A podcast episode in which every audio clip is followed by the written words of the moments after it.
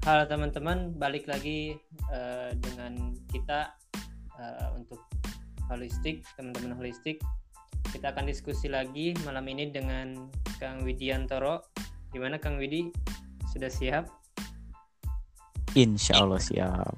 Ayolah kita mulai. malam ini kita bahas tentang apa nih?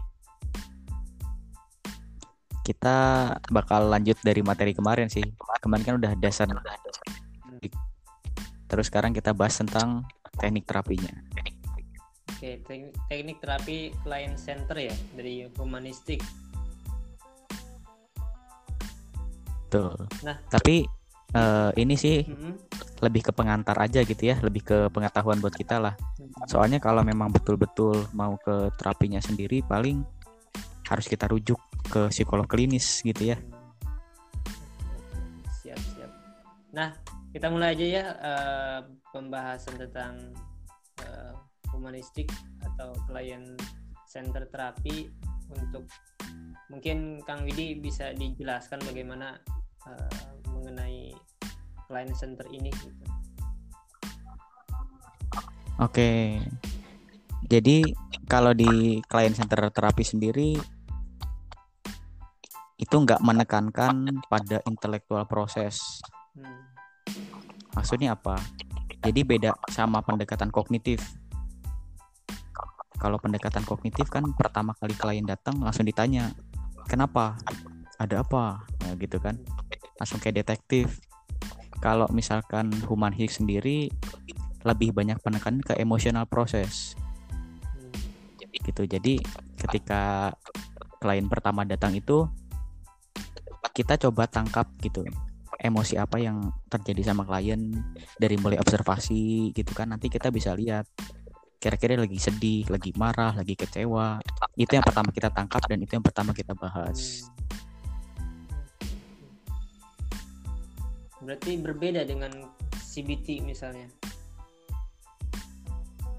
Iya, beda. Kalau CBT atau psikoanalisa gitu kan datang-datang ditanya-tanya gitu ya kayak apa namanya diinterogasi gitu.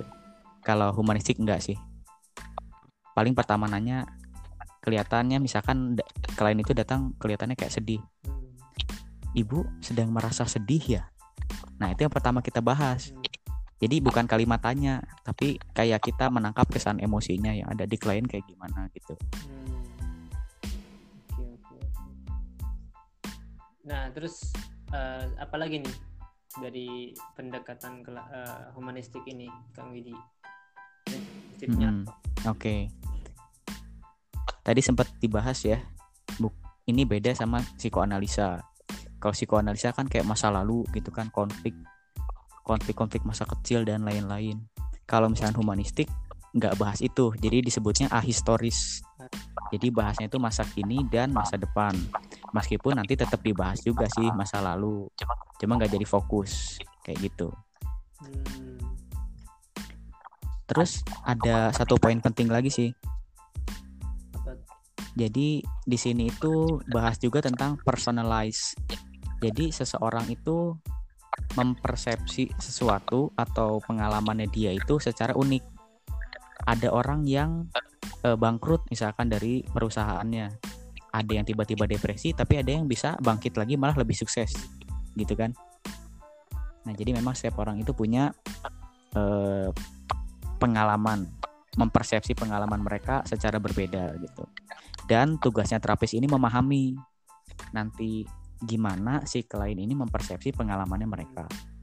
Berarti di sini si terapis tidak boleh mengeneralisasi atau menyamakan misalnya klien yang dihadapi sekarang dengan klien-klien yang pernah dihadapi sebelumnya berarti ya betul banget jadi kayak gitu ya betul-betul kan judulnya humanistik itu memanusiakan manusia katanya kan hmm. dan manusia itu unik ya. orang itu unik iya benar banget Oke.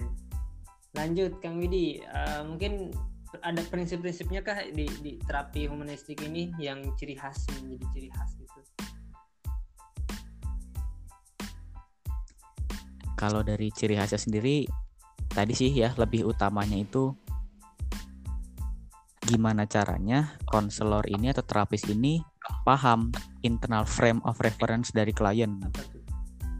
Kalau istilahnya di NLP itu map atau internal representation dari si klien. Jadi bisa bisa betul-betul pahamin itu sih. Hmm, berarti eh, internal pikiran pikiran seseorangnya gitu frame atau pikiran Iya. yang ada dalam tiap eh, di, di orang itu gitu Betul. Siap, siap. nah kalau berbicara tentang terapis mungkin ya terapis eh, sebenarnya apa sih fungsi atau tugas dari dari terapis sebagai ya kalau di aliran humanistik ini seperti apa Oke. Nah, ini yang agak menarik sih, beda dari pendekatan lain. Jadi humanistik ini pendekatannya memang nggak direktif. Hmm. Jadi betul-betul kita senjatanya kita cuma memahami klien doang. Makanya di sini sikapnya itu kita harus bisa mendengarkan secara aktif atau active listening. Terus bisa melakukan refleksi perasaan. Kita juga harus bisa ngasih support dan juga ngasih keyakinan kalau misalnya dibutuhkan. Dan di sini ada titik jeleknya itu atau mungkin kekurangannya itu ya kita harus bersifat permisif sih. Hmm. kenapa Cuma ditekankan kemarin sama eh, dosen di kelas selama itu positif ya didukung gitu permisifnya itu. Kalau misalkan jelek, nah ini masih perlu ada yang belum selesai berarti dari si klien ini gitu. Hmm. Oke oke oke. Apa lagi nih? Ada lagi kira-kira? Ya, contohnya gini ya, mungkin agak belum kebayang. Kalau misalkan kan kadang klien itu ekspresinya beda-beda kan ya. Tiba-tiba nanti karena dia udah paham kondisinya, tiba-tiba dia bilang saya mau bunuh pacar saya. Nah itu kan nggak nggak positif ya. Nah kalau dia masih punya keinginan kayak gitu berarti ada yang belum beres. Makanya harus dibahas lagi. Kalau permisif yang boleh barangkali hmm, misalkan ya kliennya mau eh, resign dari pekerjaan misalkan ya selama itu positif ya udah nggak apa-apa gitu loh kita permisif kita ngikut apa yang diinginkan oleh klien Hmm.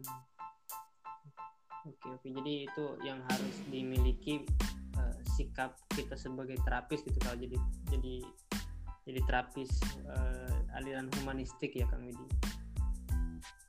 ya jadi betul-betul harus memahami klien dan menerima unconditional positive regard kembali lagi ke awal ya Mungkin sedikit review apa tuh Kang Widi? Mungkin teman-teman eh, ada yang udah mulai lupa.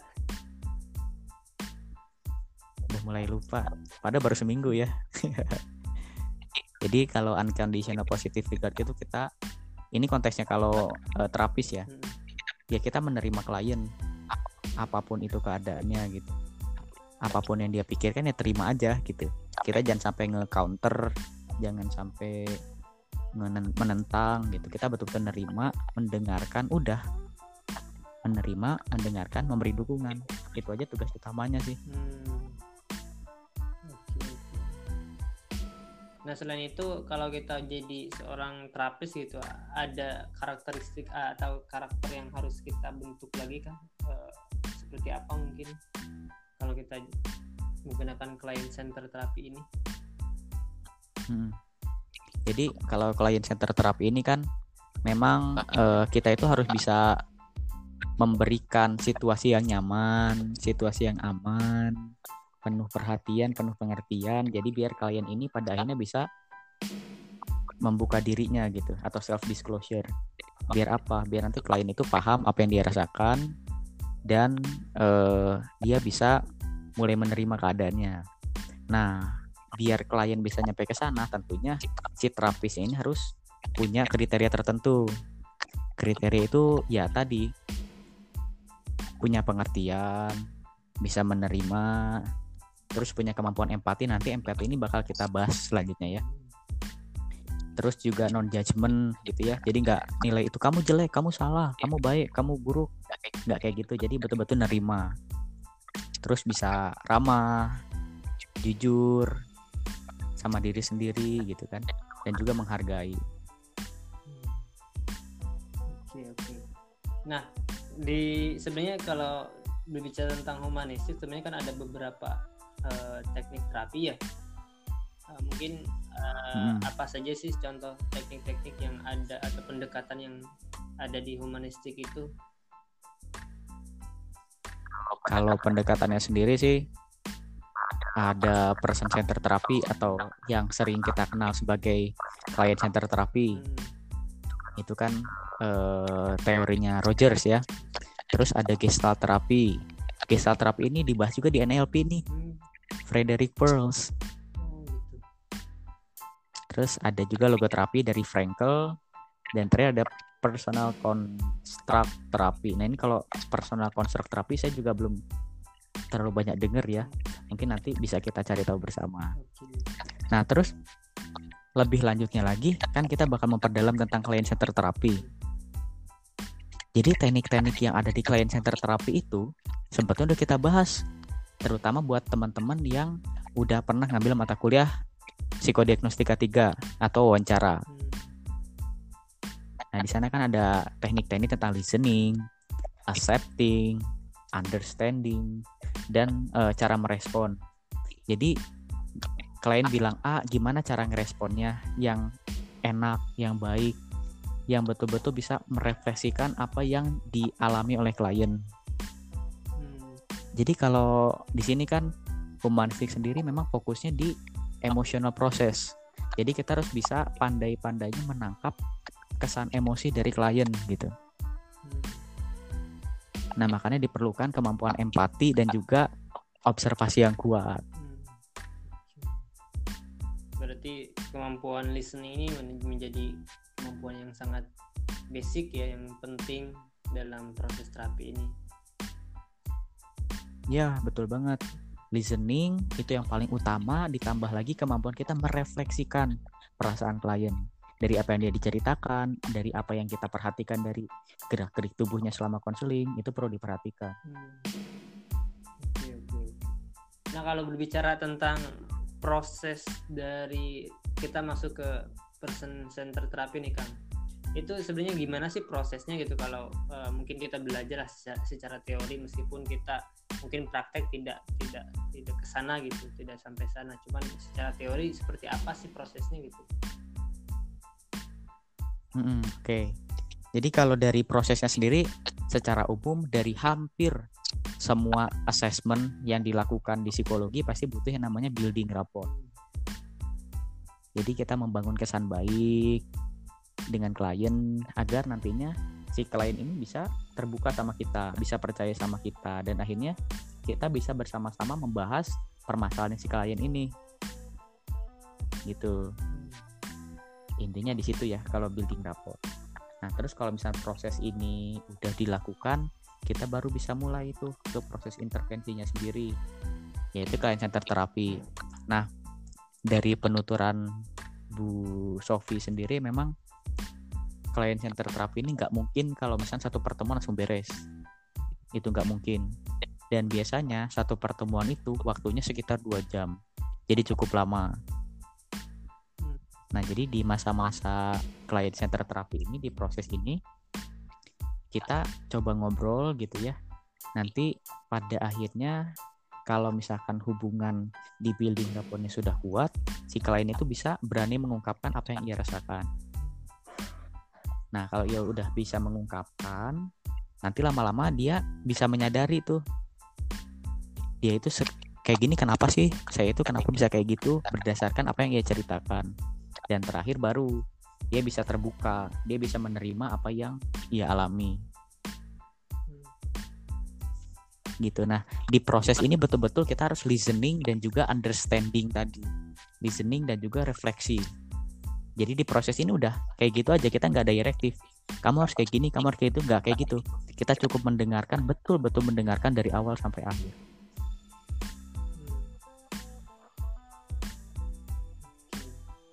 Nah, nanti kalau misalkan si klien ini udah sadar, udah mulai menyadari dia itu kenapa, nah baru masuk ke tahap selanjutnya, tahapan empty chair. empty chair ini sebetulnya masuk ke terapi gestalt ya Iya, maksudnya ke terapi gestalt. Nanti di empty chair ini baru yang kayak tahap solusinya itu nanti di sini.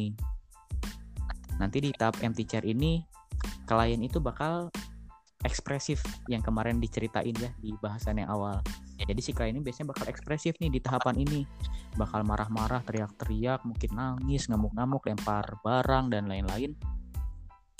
Untuk mengekspresikan emosinya. Nanti akan difasilitasi gitu. Nah, nanti proses ini juga bakal ada yang namanya dialog antara real self-nya dia dengan ideal self-nya. Nanti dari dialog ini biasanya sih mungkin nanti teman-teman bisa praktek sama Kang Rian langsung ya ketika nanti ada tatap muka Kang Widi ada biar lebih kebayang. Kang Widi standby di Bandung nih.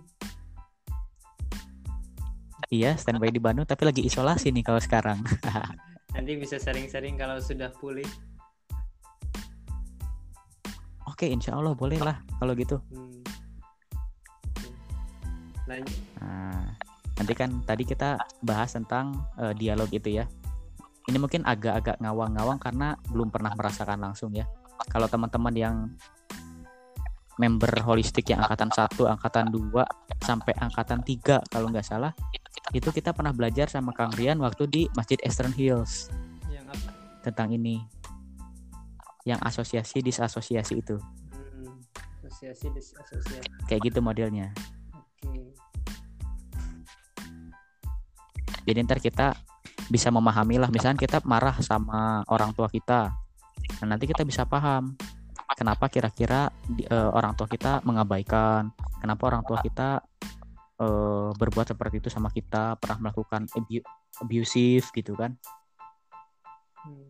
Nanti dari situ sih bakal mulai terbentuk pemahaman kenapa orang yang kita marah sama dia, orang yang kita benci itu melakukan hal itu. Akhirnya kalau misalkan sudah bisa paham, nah ini udah mulai ini, akhirnya dia bisa menerima gitu kan. Menerimanya ini sih yang paling jadi apa ya poin kuncinya itu ketika si klien udah bisa dibilang sembuh itu ketika udah bisa menerima gitu, memahami.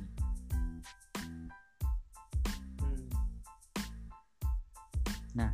biasanya gini ini kan pro- emotional proses ya jadi pasti ketika udah melakukan empty chair dan juga emosinya keluar semua biasanya bakal kerasa pusing mual-mual nah makanya sebagai eh, terapis atau sebagai konselor sendiri kita harus bisa ngasih relaksasi Uh, relaksasi juga ada. ada relaksasi. Nah ini kebetulan kemarin sempat dipraktekin ya waktu saya praktek konseling kelompok di kelas. Jadi teman saya itu kebetulan dia pinter banget. Dia juara umum lulusan terbaik juga di kampusnya di salah satu kampus di Yogyakarta. Tapi pada saat ia lulus orang tuanya nggak mengakui waktu dia wisuda itu. Dia bilang gini ke ibunya, mah Mama duduknya di depan, soalnya aku juara umum, soalnya aku lulusan terbaik. Mamanya malah balasnya gini, ah nggak mungkin kamu bisa kayak gitu. Dan dia selalu dibanding-bandingkan sama kakaknya. Kakaknya anak kedokteran UGM. Hmm. Eh nyebut merek lagi, aduh lupa. sorry sorry sorry, nggak apa-apa lah ya. Gak apa. Ya ser- sering dibandingin sama kakaknya. Akhirnya dia itu kayak kecewa sama ibunya kan. Akhirnya keluarlah waktu di empty chair. Waktu itu konselornya kebetulan Bu Tina Aviatin. Hmm. Nah, itu dia langsung nangis, betul-betul nangis. Kita semua sebagai observer waktu itu dan sebagai peserta pada ikut nangis juga gitu kan. Nah, selesai dia nangis itu, dia coba menjadi ibunya. Coba, kalau kamu jadi ibu kamu, kira-kira kenapa kamu melakukan itu sama anak kamu? Akhirnya dia paham. Oh, ibunya itu ternyata sibuk, makanya nggak pernah kenal anak-anaknya. Hmm. Kayak gitu. Jadi dia bisa lebih menerima, oh ternyata sudut pandang ibunya kayak gitu. Nah, dan setelah beres tuh dari empty chair-nya ini, Bu Tiana ngasih relaksasi karena teman saya ini udah ngos-ngosan. Dia ngos-ngosan, akhirnya dikasih minum sama disuruh relaksasi. Oke. Gitu. Jadi sebagai konselor atau sebagai terapis harus bertanggung jawab ya. Jangan kalian pusing, dibiarin, ditinggalin gitu kan. Kayak yang suka dilakukan kalau kita apa namanya istigosah itu Istighosa, iya. Istighosahan. ya kan tiba-tiba nangis nangis ditinggalin gitu kan tetap harus dikasih relaksasi juga biar emosi mereka stabil lagi gitu Hmm. Nah, ini kan Kang Widi berkaitan nih dengan tadi eh, berarti memang di client center itu fokus pada rilis emosi. Nah, sebagai konselor berarti kan kita harus memiliki empati yang bagus nih. Gimana tuh eh, prosesnya gitu agar atau dalam dalam eh, fungsi at- tahapan-tahapan gitu. Ketika proses eh, terapi itu seperti apa sih empati yang harus dimiliki misalnya? Hmm, hmm, oke. Iya betul banget. Jadi kalau kita mau melakukan terapi atau setidaknya konseling lah ya dengan pendekatan humanistik ini memang empati ini jadi modal utama banget yang harus kita miliki. Nah, empati itu sendiri kan sederhananya tuh kita memahami apa yang orang lain rasakan gitu kan. Nah, bentuk operasionalnya apa selama di terapi?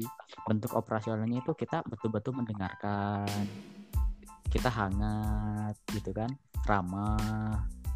Terus kita juga eh, peka gitu sama apa yang dirasakan dan dipikirkan oleh klien. Terus kita juga bisa ngasih respon yang betul-betul apa ya kalau kalian ke psikolog responnya tuh kayak enak, menenangkan gitu loh.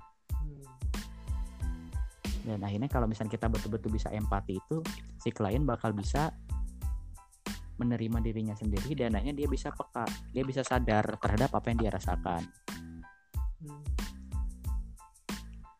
gitu. Nah, dan o- bentuk operasional lain dari empati ini kita bisa mendeskripsikan apa yang kalian rasakan.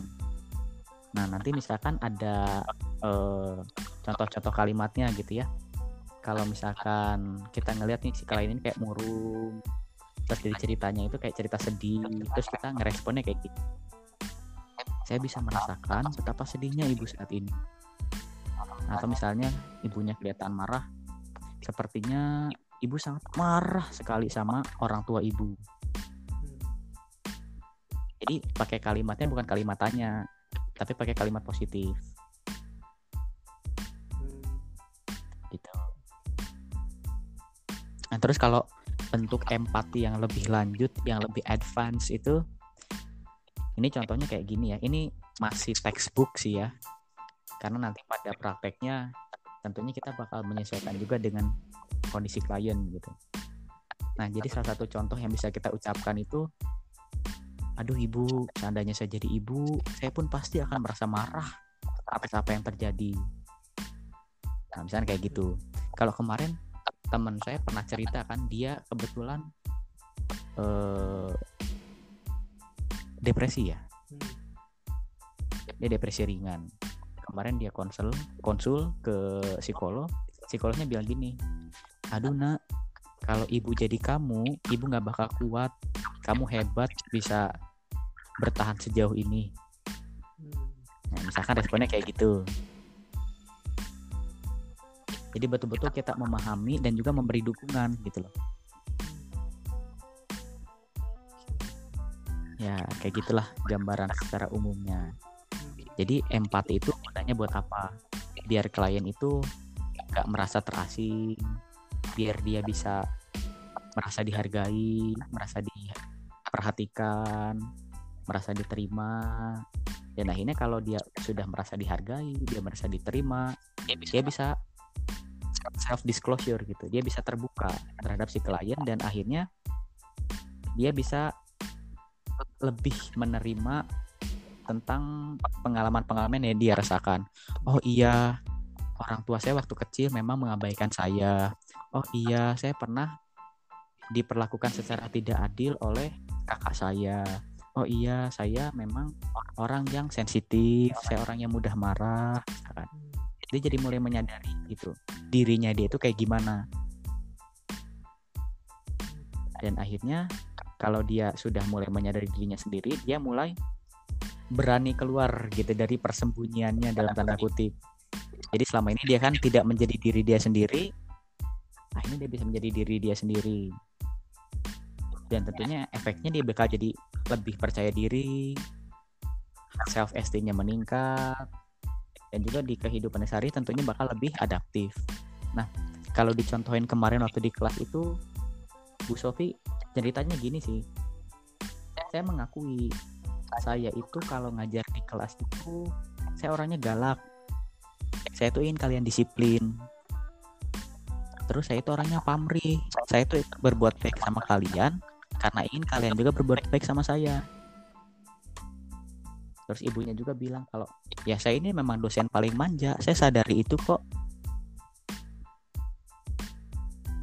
Jadi memang betul-betul memahami dirinya sendiri. Kayak gitulah gambaran umumnya. Oke.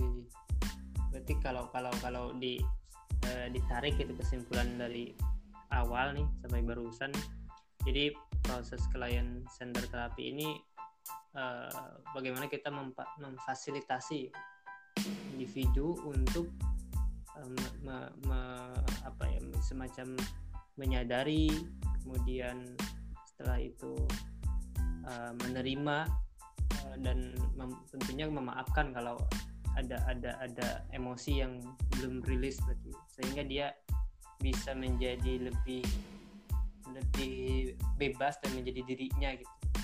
Kemudian ada juga tadi sebenarnya salah satu teknik yang sebenarnya hampir di semua teknik terapi ada yaitu disasosiasi dan asosiasi dan disasosiasi sebenarnya teknik ini di NLP dipelajari hal basic tapi pengembangannya banyak bisa di client center tadi dengan apa namanya empty chair, empty chair. Terus kursi ada, kosong. Hmm, ada juga kalau di hipno tuh ada ego state. Kemudian kalau di part terapi juga ada banyak terapi-terapi yang menggunakan uh, prinsip dari asosiasi dan disasosiasi. Nah, kalau teman-teman mengikuti NLP itu diajarkan. Jadi di NLP itu banyak hal-hal kayak benang merah dari terapi-terapi basicnya prinsipnya yang bisa diterapkan di berbagai terapi. Oke, Kang Widi, kira-kira ada lagi Kang yang mungkin uh, mau dibahas atau contoh gitu? Contoh beberapa contoh. Hmm. Nah, mungkin nanti jadi pertanyaan ya. Terus kalau kita tahu efeknya ini berhasil atau enggak dari mana gitu kan? Oke. Nah, jadi ada beberapa poin sih yang bakal jadi gambaran nih terapi yang kita lakukan udah berhasil atau belum. Hmm. Nah, yang pertama itu mungkin kalau sampai selesai 100% Bu Sofi juga bilang itu nggak mungkin. Nah, jadi nggak mungkin bisa betul-betul menyelesaikan masalah sampai 100%. Setidaknya beban emosi si klien ini berkurang atau bahkan hilang. Hmm. Itu yang pertama. Terus nanti lebih lanjutnya lagi si klien itu bisa lebih realistis kayak tadi kan oh iya saya itu orangnya pemarah saya itu orangnya manja saya itu orangnya pamrih jadi lebih realistis dari situ bukan berarti menerima kejelekan atau kekurangan. Kayak gitu ya bukan berarti kita ber apa ya bermena-mena gitu dengan kekurangan kita. Nggak kayak gitu juga. Tapi kan dengan kita paham kekurangan kita kita jadi tahu gimana solusinya untuk mengatasi hal tersebut gitu kan. Kan modal awalnya berubah kita tahu dulu apa yang salah. Itu nah dan nanti mungkin ke depannya dia bisa lebih efektif lagi bisa lebih mudah beradaptasi lagi di lingkungan sosialnya. Kalau ada masalah bisa menyelesaikan dengan lebih baik. Terus dia juga nanti ke depannya tentunya bisa lebih positif. Bisa harga dirinya meningkat percaya diri.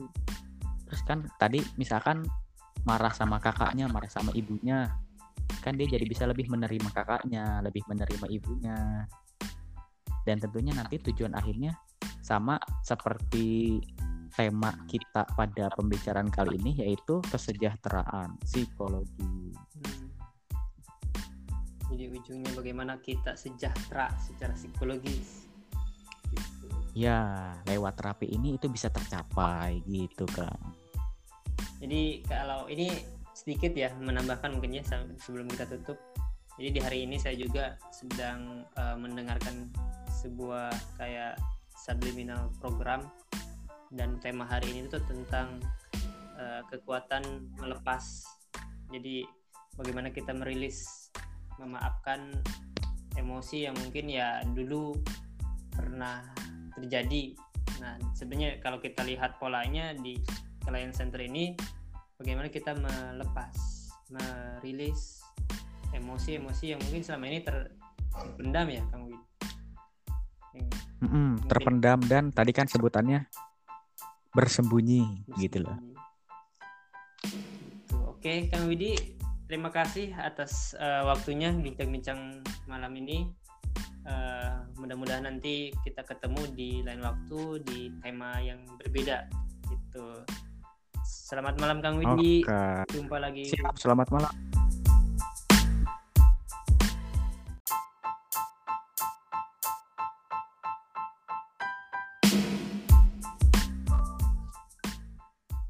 Halo teman-teman, balik lagi uh, dengan kita uh, untuk holistik, teman-teman holistik. Kita akan diskusi lagi malam ini dengan Kang Widiantoro. Gimana Kang Widi? Sudah siap? Insya Allah siap. Ayolah kita mulai. malam ini kita bahas tentang apa nih? kita bakal lanjut dari materi kemarin sih. Kemarin kan udah dasar. Terus sekarang kita bahas tentang teknik terapinya. Oke, teknik, teknik terapi client center ya dari humanistik. Tuh. Nah, tapi uh, ini sih mm-hmm. lebih ke pengantar aja gitu ya, lebih ke pengetahuan buat kita lah. Soalnya kalau memang betul-betul mau ke terapinya sendiri paling harus kita rujuk ke psikolog klinis gitu ya. Siap siap. Nah kita mulai aja ya uh, pembahasan tentang uh, humanistik atau klien center terapi untuk mungkin Kang Widi bisa dijelaskan bagaimana uh, mengenai klien center ini gitu. Oke. Jadi kalau di klien center terapi sendiri itu nggak menekankan pada intelektual proses. Hmm. Maksudnya apa? Jadi beda sama pendekatan kognitif. Kalau pendekatan kognitif kan pertama kali klien datang langsung ditanya, kenapa? Ada apa? Nah, gitu kan? Langsung kayak detektif. Kalau misalkan human healing sendiri lebih banyak penekanan ke emosional proses. Gitu. Jadi ketika klien pertama datang itu kita coba tangkap gitu emosi apa yang terjadi sama klien dari mulai observasi gitu kan nanti kita bisa lihat kira-kira lagi sedih, lagi marah, lagi kecewa. Itu yang pertama kita tangkap dan itu yang pertama kita bahas. Berarti berbeda dengan CBT misalnya. Iya, beda. Kalau CBT atau psikoanalisa gitu. Kan datang-datang ditanya-tanya gitu ya. Kayak apa namanya? Diinterogasi gitu. Kalau humanistik enggak sih. Paling pertama nanya kelihatannya misalkan klien itu datang kelihatannya kayak sedih. Ibu sedang merasa sedih ya nah itu yang pertama kita bahas jadi bukan kalimat tanya tapi kayak kita menangkap kesan emosinya yang ada di klien kayak gimana gitu Nah, terus uh, apa lagi nih dari pendekatan uh, humanistik ini, Kang Widi? Hmm, Oke. Okay. Tadi sempat dibahas ya. Buk, ini beda sama psikoanalisa. Kalau psikoanalisa kan kayak masa lalu gitu kan konflik konflik-konflik masa kecil dan lain-lain. Kalau misalnya humanistik nggak bahas itu. Jadi disebutnya ahistoris. Jadi bahasnya itu masa kini dan masa depan. Meskipun nanti tetap dibahas juga sih masa lalu. Cuma nggak jadi fokus. Kayak gitu. Hmm, terus ada satu poin penting lagi sih. Jadi di sini itu bahas juga tentang personalize. Jadi seseorang itu mempersepsi sesuatu atau pengalamannya dia itu secara unik. Ada orang yang eh, bangkrut misalkan dari perusahaannya. Ada yang tiba-tiba depresi tapi ada yang bisa bangkit lagi malah lebih sukses. Gitu kan. Nah, jadi memang setiap orang itu punya eh, pengalaman, mempersepsi pengalaman mereka secara berbeda gitu dan tugasnya terapis ini memahami nanti gimana si klien ini mempersepsi pengalamannya mereka. berarti di sini si terapis tidak boleh mengeneralisasi atau menyamakan misalnya klien yang dia hadapi sekarang dengan klien-klien yang pernah dihadapi sebelumnya berarti Ya betul banget. Jadi kayak gitu ya. Betul-betul kan judulnya humanistik itu memanusiakan manusia katanya kan. Hmm. dan manusia itu unik Ya, tiap orang gitu. Unik, iya benar banget. Oke.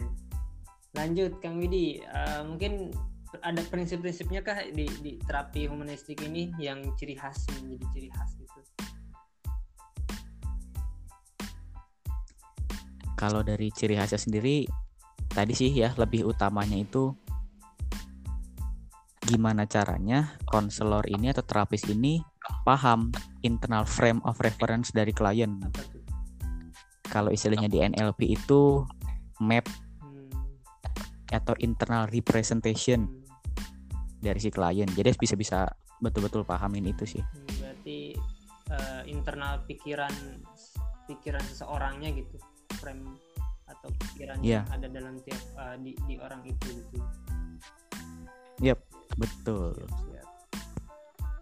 Nah, kalau berbicara tentang terapis mungkin ya, terapis eh, sebenarnya apa sih fungsi atau tugas dari dari terapis sebagai ya kalau di aliran humanistik ini seperti apa?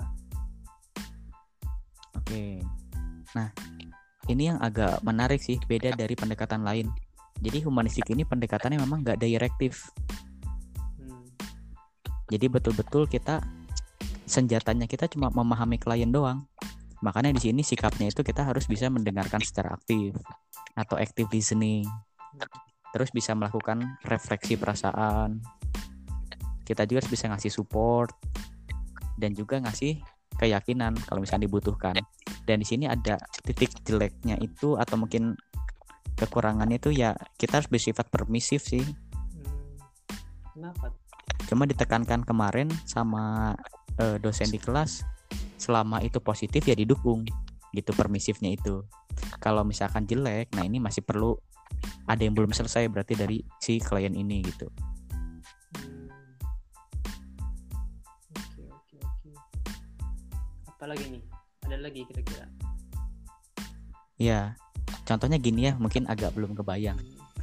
Kalau misalkan kan kadang klien itu ekspresinya beda-beda kan ya. Tiba-tiba nanti karena dia udah paham kondisinya, tiba-tiba dia bilang saya mau bunuh pacar saya. Nah itu kan nggak nggak positif ya. Nah kalau dia masih punya keinginan kayak gitu, berarti ada yang belum beres. Makanya harus dibahas lagi. Hmm. Kalau permisif yang boleh, barangkali, hmm, misalkan, ya kliennya mau eh, resign dari pekerjaan misalkan. Ya selama itu positif ya udah nggak apa-apa gitu loh. Kita permisif kita ngikut apa yang diinginkan oleh klien. Hmm. Oke oke. Jadi itu yang harus dimiliki eh, sikap kita sebagai terapis gitu kalau jadi jadi jadi terapis eh, aliran humanistik ya Kang Widi. Ya jadi betul-betul harus memahami klien dan menerima unconditional positive regard. Kembali lagi ke awal ya. Mungkin sedikit review apa tuh Kang Widi? Mungkin teman-teman eh, ada yang udah mulai lupa? Udah mulai lupa. Pada baru seminggu ya. Jadi kalau unconditional positive regard itu kita ini konteksnya kalau uh, terapis ya. Hmm. Ya kita menerima klien apa pun itu keadaannya gitu. Apa pun yang dia pikirkan ya terima aja gitu. Kita jangan sampai nge-counter jangan sampai menen- menentang gitu. Kita betul-betul menerima mendengarkan udah. Menerima mendengarkan memberi dukungan. Itu aja tugas utamanya sih. Hmm. Nah selain itu kalau kita jadi seorang terapis gitu ada karakteristik atau karakter yang harus kita bentuk lagi kan Eh, seperti apa mungkin kalau kita menggunakan client center terapi ini? Mm. Jadi kalau klien center terapi ini kan memang eh, kita itu harus bisa memberikan situasi yang nyaman, situasi yang aman, penuh perhatian, penuh pengertian. Jadi biar klien ini pada akhirnya bisa membuka dirinya gitu atau self disclosure. Biar apa? Biar nanti klien itu paham apa yang dia rasakan dan eh, dia bisa mulai menerima keadaannya. Nah, biar klien bisa nyampe ke sana tentunya si terapis ini harus punya kriteria tertentu kriteria itu ya tadi punya pengertian bisa menerima terus punya kemampuan empati nanti empati ini bakal kita bahas selanjutnya ya. Terus juga non judgment gitu ya. Jadi nggak nilai itu kamu jelek kamu salah kamu baik kamu buruk. Nggak kayak gitu. Jadi betul-betul nerima. Terus bisa ramah jujur sama diri sendiri gitu kan. Dan juga menghargai. Oke oke. Nah di sebenarnya kalau berbicara tentang humanistik sebenarnya kan ada beberapa eh, teknik terapi ya. Eh, mungkin eh, Hmm. apa saja sih contoh teknik-teknik yang ada atau pendekatan yang ada di humanistik itu? kalau pendekatannya sendiri sih ada person center terapi atau yang sering kita kenal sebagai client center terapi Hmm. itu kan eh, teorinya Rogers ya terus ada gestalt terapi gestalt terapi ini dibahas juga di NLP nih Hmm. Frederick Pearls Oh, gitu. terus ada juga logoterapi dari Frankel dan terakhir ada personal construct terapi nah ini kalau personal construct terapi saya juga belum terlalu banyak denger ya mungkin nanti bisa kita cari tahu bersama. Nah, terus lebih lanjutnya lagi kan kita bakal memperdalam tentang client center terapi. Jadi teknik-teknik yang ada di client center terapi itu sebetulnya udah kita bahas, terutama buat teman-teman yang udah pernah ngambil mata kuliah psikodiagnostika 3 atau wawancara. Nah, di sana kan ada teknik-teknik tentang listening, accepting, understanding, dan eh, cara merespon. Jadi klien bilang A, gimana cara ngeresponnya yang enak, yang baik, yang betul-betul bisa merefleksikan apa yang dialami oleh klien. Jadi kalau di sini kan humanistik sendiri memang fokusnya di emotional process. Jadi kita harus bisa pandai-pandainya menangkap kesan emosi dari klien gitu. Nah, makanya diperlukan kemampuan empati dan juga observasi yang kuat. Hmm. Berarti kemampuan listening ini men- menjadi kemampuan yang sangat basic ya, yang penting dalam proses terapi ini. Ya, betul banget. Listening itu yang paling utama ditambah lagi kemampuan kita merefleksikan perasaan klien dari apa yang dia diceritakan, dari apa yang kita perhatikan dari gerak-gerik tubuhnya selama konseling itu perlu diperhatikan. Hmm. Nah kalau berbicara tentang proses dari kita masuk ke person center terapi nih Kang, itu sebenarnya gimana sih prosesnya gitu kalau eh, mungkin kita belajar secara, secara teori meskipun kita mungkin praktek tidak tidak tidak ke sana gitu, tidak sampai sana. Cuman secara teori seperti apa sih prosesnya gitu? Mm-mm, Oke. Jadi kalau dari prosesnya sendiri secara umum dari hampir semua assessment yang dilakukan di psikologi pasti butuh yang namanya building rapport. Jadi kita membangun kesan baik dengan klien agar nantinya si klien ini bisa terbuka sama kita, bisa percaya sama kita dan akhirnya kita bisa bersama-sama membahas permasalahan si klien ini. Gitu. Intinya di situ ya kalau building rapport. Nah, terus kalau misalnya proses ini udah dilakukan, kita baru bisa mulai itu ke proses intervensinya sendiri, yaitu klien center terapi. Nah, dari penuturan Bu Sofi sendiri memang klien center terapi ini nggak mungkin kalau misalnya satu pertemuan langsung beres. Itu nggak mungkin. Dan biasanya satu pertemuan itu waktunya sekitar dua jam. Jadi cukup lama. Nah jadi di masa-masa klien center terapi ini di proses ini kita coba ngobrol gitu ya. Nanti pada akhirnya kalau misalkan hubungan di building rapportnya sudah kuat si klien itu bisa berani mengungkapkan apa yang ia rasakan Nah, kalau ia udah bisa mengungkapkan, nanti lama-lama dia bisa menyadari tuh. Dia itu kayak gini kenapa sih? Saya itu kenapa bisa kayak gitu berdasarkan apa yang ia ceritakan. Dan terakhir baru dia bisa terbuka, dia bisa menerima apa yang ia alami. Gitu. Nah, di proses ini betul-betul kita harus listening dan juga understanding tadi. Listening dan juga refleksi jadi di proses ini udah kayak gitu aja kita nggak ada direktif. Kamu harus kayak gini kamu harus kayak itu nggak kayak gitu. Kita cukup mendengarkan betul betul mendengarkan dari awal sampai akhir.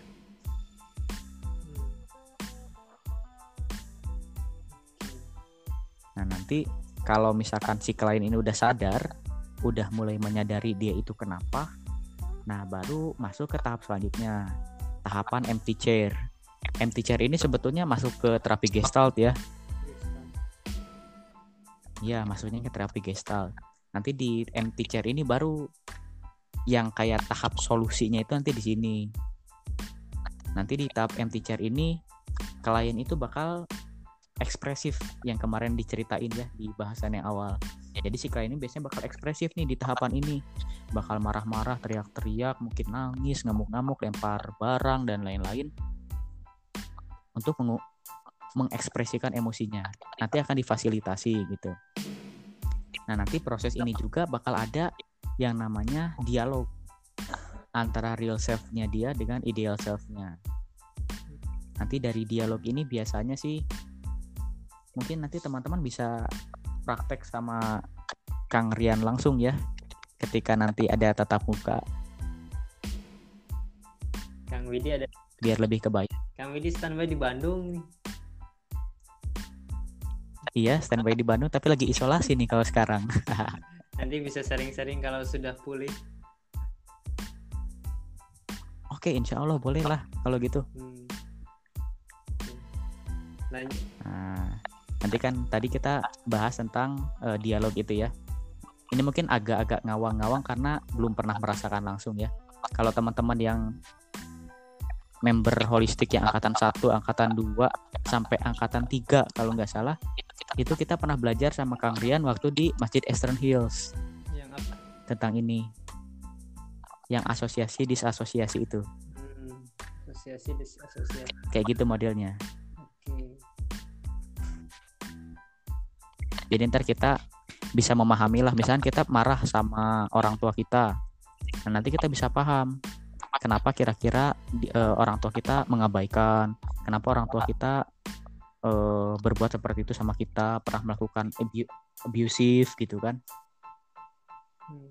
nanti dari situ sih bakal mulai terbentuk pemahaman kenapa orang yang kita marah sama dia orang yang kita benci itu melakukan hal itu akhirnya kalau misalkan sudah bisa paham nah ini udah mulai ini akhirnya dia bisa menerima gitu kan.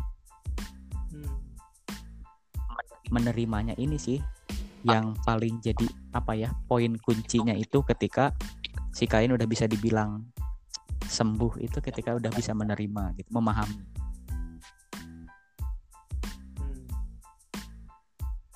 nah biasanya gini ini kan pro emosional proses ya. Jadi pasti. ketika udah melakukan empty chair dan juga emosinya keluar semua biasanya bakal kerasa pusing. Mual-mual. Nah, makanya sebagai uh, terapis atau sebagai konselor sendiri kita harus bisa ngasih relaksasi. Tuh relaksasi juga ada. Ada relaksasi. Nah ini kebetulan kemarin sempat dipraktekin ya waktu saya praktek konseling kelompok di kelas. Jadi teman saya itu kebetulan dia pinter banget. Dia juara umum lulusan terbaik juga di kampusnya di salah satu kampus di Yogyakarta. Tapi pada saat ia lulus orang tuanya nggak mengakui waktu dia wisuda itu. Dia bilang gini ke ibunya mah mama duduknya di depan soalnya aku juara umum soalnya aku lulusan terbaik. Mamanya malah balasnya gini ah nggak mungkin kamu bisa kayak gitu dan dia selalu dibanding-bandingkan sama kakaknya. Kakaknya anak kedokteran UGM eh nyebut merek lagi. Aduh lupa. Sorry sorry sorry. Nggak apa-apa lah ya. Gak apa ya ser- sering dibandingin sama kakaknya. Akhirnya dia itu kayak kecewa sama ibunya kan. Akhirnya keluarlah waktu di empty chair. Waktu itu konselornya kebetulan Bu Tina Aviatin. Hmm. Nah, itu dia langsung nangis betul-betul nangis. Kita semua sebagai observer waktu itu dan sebagai peserta pada ikut nangis juga gitu kan. Nah selesai dia nangis itu dia coba menjadi ibunya. Coba kalau kamu jadi ibu kamu kira-kira kenapa kamu melakukan itu sama anak kamu? Akhirnya dia paham. Oh ibunya itu ternyata sibuk makanya nggak pernah kenal anak-anaknya. Hmm. kayak gitu. Jadi dia bisa lebih menerima oh, ternyata sudut pandang ibunya kayak gitu nah dan setelah beres tuh dari empty chair-nya ini Bu Tina ngasih relaksasi karena teman saya ini udah ngos-ngosan. Dia ngos-ngosan akhirnya dikasih minum sama disuruh relaksasi. Oke. gitu jadi sebagai konselor atau sebagai terapis harus bertanggung jawab ya. Jangan kalian pusing dibiarin ditinggalin gitu kan. Kayak yang suka dilakukan kalau kita apa namanya istigosah itu. Istighosa, iya. Istighosahan. ya kan tiba-tiba nangis nangis ditinggalin gitu kan tetap harus dikasih relaksasi juga biar emosi mereka stabil lagi gitu Hmm. Nah, ini kan Kang Widi berkaitan nih dengan tadi eh, berarti memang di client center itu fokus pada rilis emosi. Nah, sebagai konselor berarti kan kita harus memiliki empati yang bagus nih. Gimana tuh eh, prosesnya gitu agar atau dalam dalam eh, fungsi tahapan-tahapan gitu ketika proses eh, terapi itu seperti apa sih empati yang harus dimiliki misalnya Hmm, Oke, iya betul banget. Jadi kalau kita mau melakukan terapi atau setidaknya konseling lah ya dengan pendekatan humanistik ini, memang empati ini jadi modal utama banget yang harus kita miliki. Nah, empati itu sendiri kan sederhananya tuh kita memahami apa yang orang lain rasakan, gitu kan? Hmm. Nah, bentuk operasionalnya apa selama di terapi? Bentuk operasionalnya itu kita betul-betul mendengarkan, kita hangat, gitu kan, ramah. Terus kita juga eh, peka gitu sama apa yang dirasakan dan dipikirkan oleh klien. Terus kita juga bisa ngasih respon yang betul-betul apa ya? Kalau kalian ke psikolog responnya tuh kayak enak, menenangkan gitu loh. Dan akhirnya kalau misalnya kita betul-betul bisa empati itu si klien bakal bisa menerima dirinya sendiri dan akhirnya dia bisa peka dia bisa sadar terhadap apa yang dia rasakan Hmm. Gitu. Nah dan o- bentuk operasional lain dari empati ini kita bisa mendeskripsikan apa yang kalian rasakan. Nah nanti misalkan ada eh, contoh-contoh kalimatnya gitu ya. Kalau misalkan kita ngelihat nih si klien ini kayak murung terus dari ceritanya itu kayak cerita sedih terus kita ngeresponnya kayak gitu. Saya bisa merasakan betapa sedihnya ibu saat ini. Atau misalnya ibunya kelihatan marah sepertinya ibu sangat marah sekali sama orang tua ibu. Jadi pakai kalimatnya bukan kalimat tanya tapi pakai kalimat positif. Gitu. Nah terus kalau bentuk empati yang lebih lanjut yang lebih advance itu ini contohnya kayak gini ya. Ini masih textbook sih ya. Karena nanti pada prakteknya tentunya kita bakal menyesuaikan juga dengan kondisi klien gitu. Nah jadi salah satu contoh yang bisa kita ucapkan itu aduh ibu seandainya saya jadi ibu saya pun pasti akan merasa marah atas apa yang terjadi. Nah misalnya kayak gitu. Kalau kemarin teman saya pernah cerita kan dia kebetulan eh, depresi ya. Hmm. dia depresi ringan kemarin dia konsul konsul ke psikolog. Psikolognya bilang gini aduh nak kalau ibu jadi kamu ibu nggak bakal kuat. Kamu hebat bisa bertahan sejauh ini. Nah, misalkan responnya kayak gitu. Jadi betul-betul kita memahami dan juga memberi dukungan gitu loh. Ya kayak gitulah gambaran secara umumnya. Jadi empati itu gunanya buat apa? Biar klien itu gak merasa terasing biar dia bisa merasa dihargai merasa diperhatikan merasa diterima. Dan akhirnya kalau dia sudah merasa dihargai dia merasa diterima dia bisa self disclosure gitu. Dia bisa terbuka terhadap si klien dan akhirnya dia bisa lebih menerima tentang pengalaman-pengalaman yang dia rasakan. Oh iya, orang tua saya waktu kecil memang mengabaikan saya. Oh iya, saya pernah diperlakukan secara tidak adil oleh kakak saya. Oh iya, saya memang orang yang sensitif, saya orang yang mudah marah. misalkan. Dia jadi mulai menyadari gitu, dirinya dia itu kayak gimana.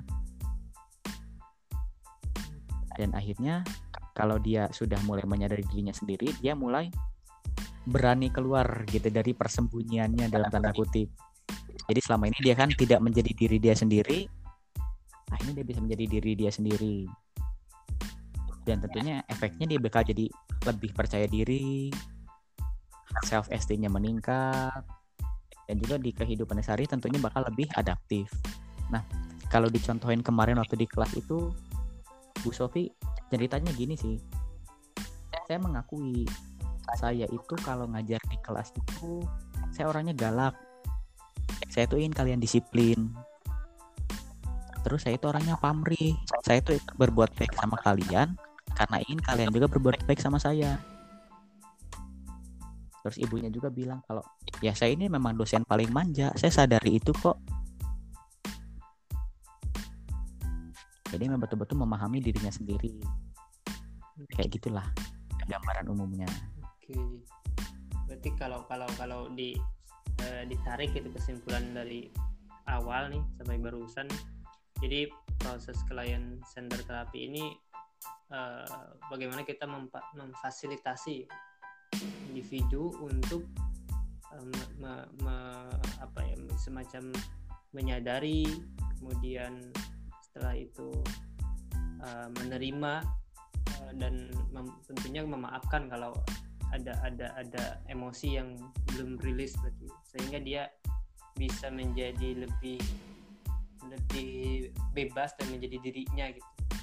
Kemudian ada juga tadi sebenarnya salah satu teknik yang sebenarnya hampir di semua teknik terapi ada yaitu disasosiasi dan asosiasi dan disasosiasi. Sebenarnya teknik ini di NLP dipelajari hal basic tapi pengembangannya banyak bisa di client center tadi dengan apa namanya empty chair feature terus kursi kosong Hmm, ada juga kalau di hipno tuh ada ego state. Kemudian kalau di part terapi juga ada banyak terapi-terapi yang menggunakan eh, prinsip dari asosiasi dan disasosiasi. Nah, kalau teman-teman mengikuti NLP itu diajarkan. Jadi di NLP itu banyak ha- hal-hal kayak benang merah dari terapi-terapi basicnya, prinsipnya yang bisa diterapkan di berbagai terapi. Oke, Kang Widi. Kira-kira ada lagi Kang yang mungkin uh, mau dibahas atau contoh gitu? Contoh beberapa contoh. Hmm. Nah, mungkin nanti jadi pertanyaan ya. Terus kalau kita tahu efeknya ini berhasil atau enggak dari mana gitu kan Oke. nah jadi ada beberapa poin sih yang bakal jadi gambaran nih terapi yang kita lakukan udah berhasil atau belum Hmm.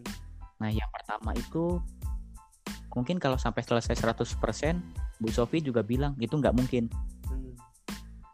Nah, jadi nggak mungkin bisa betul-betul menyelesaikan masalah sampai 100%. Setidaknya beban emosi si klien ini berkurang atau bahkan hilang. Hmm. Itu yang pertama. Terus nanti lebih lanjutnya lagi si klien itu bisa lebih realistis kayak tadi kan. Oh iya, saya itu orangnya pemarah. Saya itu orangnya manja. Saya itu orangnya pamrih. Jadi lebih realistis dari situ. Bukan berarti menerima kejelekan atau kekurangan. Kayak gitu ya, bukan berarti kita ber apa ya bermena-mena gitu dengan kekurangan kita nggak kayak gitu juga tapi kan dengan kita paham kekurangan kita kita jadi tahu gimana solusinya untuk mengatasi hal tersebut gitu kan? Kan modal awalnya berubah kita tahu dulu apa yang salah. Gitu. Nah dan nanti mungkin ke depannya dia bisa lebih efektif lagi bisa lebih mudah beradaptasi lagi di lingkungan sosialnya.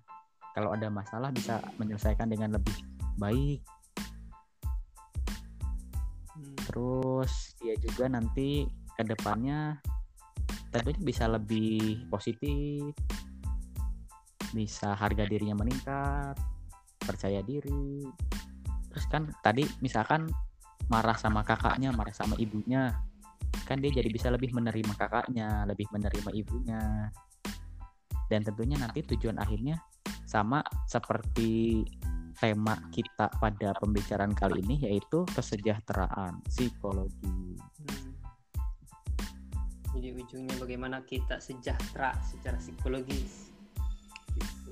ya lewat terapi ini itu bisa tercapai gitu kan Jadi kalau ini sedikit ya menambahkan mungkin ya sebelum kita tutup. Jadi di hari ini saya juga sedang eh, mendengarkan sebuah kayak subliminal program dan tema hari ini itu tentang eh, kekuatan melepas. Jadi bagaimana kita merilis memaafkan emosi yang mungkin ya dulu pernah terjadi. Nah, sebenarnya kalau kita lihat polanya di client center ini bagaimana kita melepas, merilis emosi-emosi yang mungkin selama ini terpendam ya, Kang Wid. Yang Mm-mm, terpendam dan tadi kan sebutannya bersembunyi gitu loh bersembunyi. Gitu. Oke, Kang Widi, terima kasih atas eh, waktunya bincang-bincang malam ini. Eh, mudah-mudahan nanti kita ketemu di lain waktu di tema yang berbeda. Gitu. Selamat malam Kang Widi. oke Jumpa lagi. siap selamat malam